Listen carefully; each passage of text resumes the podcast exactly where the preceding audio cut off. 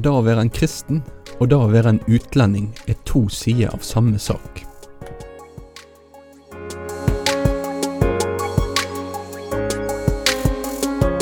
Velkommen til et eh, nytt program av Ord til liv med radio- og TV-pastor Ingvald Kårbø.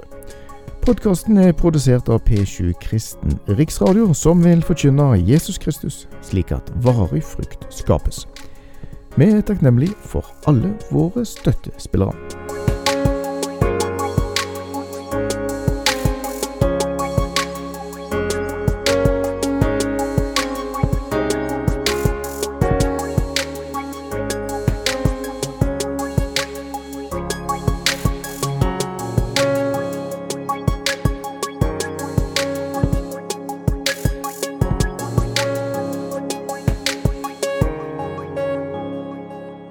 Velkommen til dette programmet av Ord til liv. Nå i dag så skal vi begynne med en ny programserie. En programserie om første Peters brev. Brevet er skrevet av apostelen Peter til menigheter som bodde litt spredd rundt omkring i det som da er dagens Tyrkia. Og vi skal nå i tida framover gå sammen gjennom dette brevet her, vers for vers og kapittel for kapittel og vi starter nå i dag med de aller første versene i brevet. I disse versene så kan vi lese at de som blir adressert i dette brevet, de blir kalt for framande eller utlendinger. Det har vært brukt litt ulike uttrykk i ulike bibeloversettelser, så jeg kommer òg til å bruke de to ordene litt om en annen i dagens program. Dette er et av de uttrykkene som Bibelen da gjev til de som tror på Jesus. Det er jo mange ulike uttrykk som blir brukt, og ofte så bruker de bibelske forfatterne ulike uttrykk på Jesus-truende mennesker for å forklare noe grunnleggende om en kristens identitet. Ja, nå sa jeg jo ordet kristen, og det å være kristen, det har å gjøre med at en tilhører Kristus. Det er min identitet, at jeg tilhører Han. Så kan vi snakke om at en er Guds barn, en er Jesu brud, en kan snakke om at vi er brødre og søstre i trua på Jesus Kristus. Ja, det er mange sånne ulike begrep som blir brukt.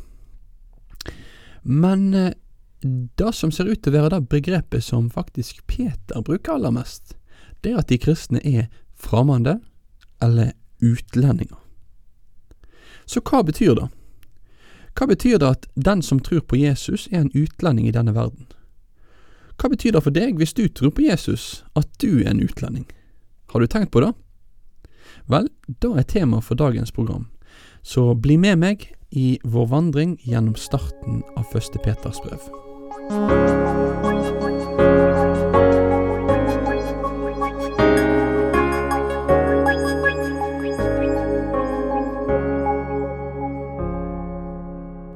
La oss begynne med å lese sammen starten av første Peter. 1, vers 1-2.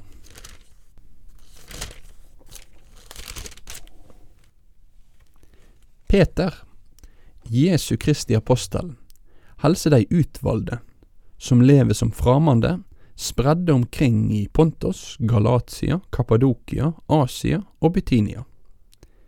Det er utvalgte, slik Gud, vår Far, på førehånd hadde fastsett, og ved anden vigde til å være lydige og til å verte reinsa ved Jesu Kristi blod. Nåde og fred være med dykk i rikt mål. Amen. Det er i denne teksten her to sånne hoveduttrykk som vi skal bruke mesteparten av vår tid på i dag. Og Det ene uttrykket det er det å være fremmed eller være utlending og det andre uttrykket er knytta til det å være utvalgt. Og vi skal se på hvordan disse omgrepene her henger sammen. Men vi begynner med det å være en utlending. Sjølve ordet på gresk det var et vanlig ord i det greske språket. Og jeg har stor nytte av å lese en første Peters kommentar av ei som heter Karen Jobes. Og Hun bruker litt tid på å definere dette uttrykket. Hun sier at den som var en utlending eller en fremmed, det var en person som var en innbygger, men som ikke hadde de samme privilegiene eller rettighetene som andre innbyggere. De var ikke statsborgere. Og det var ikke sånn at eh, utlendingene uten videre skulle ha de samme verdiene og skikkene som de som var innfødt i kulturen. Og som en følge av dette her, ja, så var det sånn at utlendingene lett ble mistenkeliggjort, og ble sett på som en potensiell trussel mot den sosiale ordenen. Sånn oppsummerer hun da. Så det å være utlending da kunne både handle om at en sjøl så på at vi har litt andre verdier, kulturelle preferanser enn det andre har, men det kunne òg bli brukt om, if, om mennesket ifra andre personer i kulturen, der en var litt skeptisk eller var litt redd for hm, hvem er disse her for noen. Den som var en utlending, den var en outsider. Det var en person som var en plass, men som verken hadde de samme rettighetene eller kulturelle preferansene som andre innbyggere. Så når da Peter begynner med å adressere disse menneskene her som utlendinger, ja, så er det som om han gjennom da vil si til de, folkens, husk at det er annerledes. Jeg veit ikke helt hva du tenker om deg sjøl og din nasjonale identitet, men sannsynligvis så har du fått det inn med morsmjelke og er mer prega av det å være en nordmann enn det du egentlig tenker over i hverdagen. Men denne bibelteksten her, den kommer faktisk med en påminner til deg og meg som tror på Jesus. Og den påminneren er, husk, det er ikke her du hører hjemme. Du er en fremmed. Jeg veit for min egen del at dette er en påminner jeg trenger, og kanskje er det en påminner du trenger. For vi skal få leve som nærværende, engasjerte mennesker i vår hverdag overfor medmennesker. Men vår djupeste og mest varige identitet, den er ikke knytta til hva nasjonalitet som står i passet mitt. Den er knytt til hvem jeg tilhører i evighet. Så du som tror på Jesus, du er en fremmed, du er en utlending. Dette er ikke din varige buplass. Du er her nå, men ditt endelige, egentlige heimland, der du hører heime, der venter du fortsatt på. Da at jeg da er en fremmed i verden, det er en konsekvens av at jeg er valgt ut av verden for å tilhøre Gud. Jeg tilhører ikke verden, jeg tilhører Herren. Utvelgelse, hva betyr det? Vel, poenget i denne teksten her ser ut til å være det at det er Gud som gir sitt folk til sitt folk.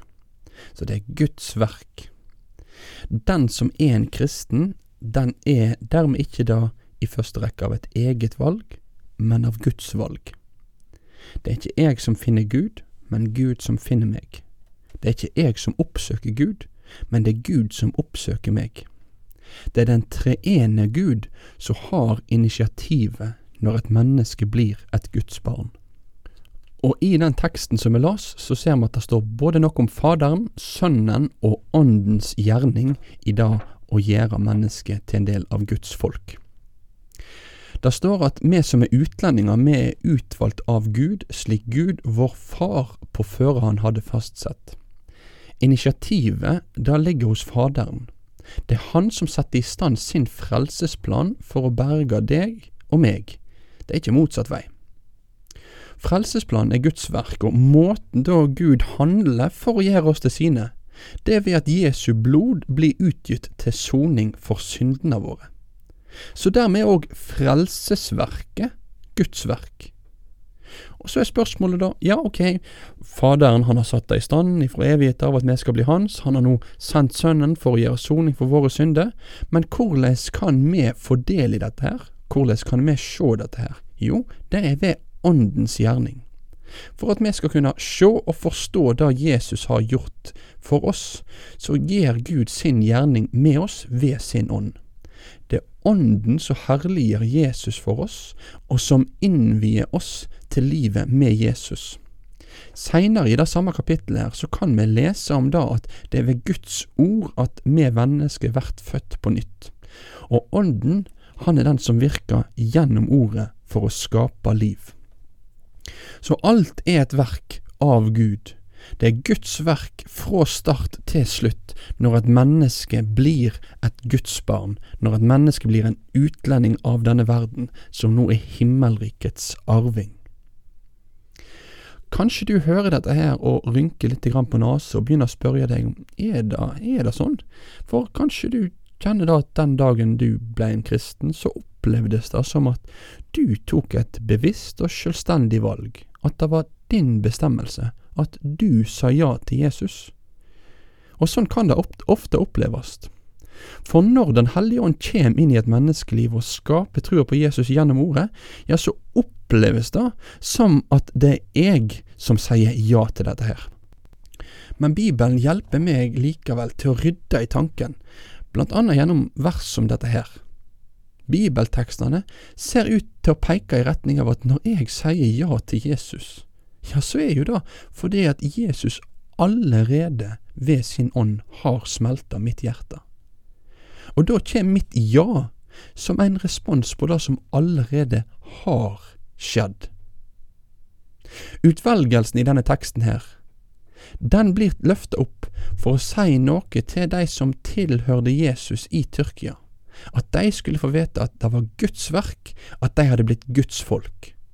De skulle slippe å lure på om Gud virkelig ville vedkjennes dem, når det koster å være en kristen. Nei, Gud, han hadde gjort det til sine, og han mente alvor med det. Det å leve et liv som en utvalgt utlending, det å få leve livet mitt her på jord i vissheten om at Herren har villet frelse meg, han har ordna frelsesverket for meg, og han har kommet til meg med sin nåde gjennom sitt frelsende ord og gjort meg til sin. Av og til så kan lære om utvelgelsen være noe som blir oppfattet som litt sånn skummelt, og noe som en helst ikke tør å røre så mye borti. Men, men i Bibelen så blir faktisk utvelgelsen stort sett løfta fram som et djupt, trøsterikt budskap for Guds folk. Det blir ikke tatt opp for å skremme, eller for at den kristne menighet stadig skal ha et sånn innadvendt blikk og stille seg spørsmålet Er jeg virkelig utvalgt? Vil Gud virkelig frelse meg? Tvert imot. Så blir det tatt opp for å understreke for den kristne kyrkja i at den kan finne trygghet i at hun er mottaker av Guds nåde, at den er gjort til en del av Guds folk av Gud sjøl. Så til deg og til meg, i en verden der jeg og du kan streve med å passe inn, og der vi faktisk heller ikke helt skal passe inn, så er det vårt håp og vår trygghet at hos Jesus så passer jeg inn. At Han har gjort meg til sin. At han har gått i døden for meg. At han ved si ånd har kommet til meg gjennom budskapet om Hans nåde at han har sagt ja til meg, selv om han veit alt om meg. Og du som tror på Jesus, du er en utlending i denne verden, men du er heime hos Gud, Han som har utvalgt deg og gjort deg til sin. Amen.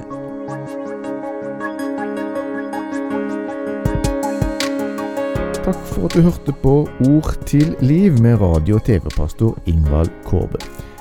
Vi håper at podkasten har fått vært til velsignelse for deg.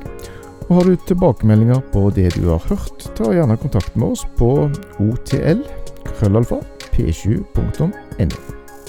P7 Kristen Riksradio ønsker med sine produksjoner å gi evangeliefokusert bibelundervisning til folk.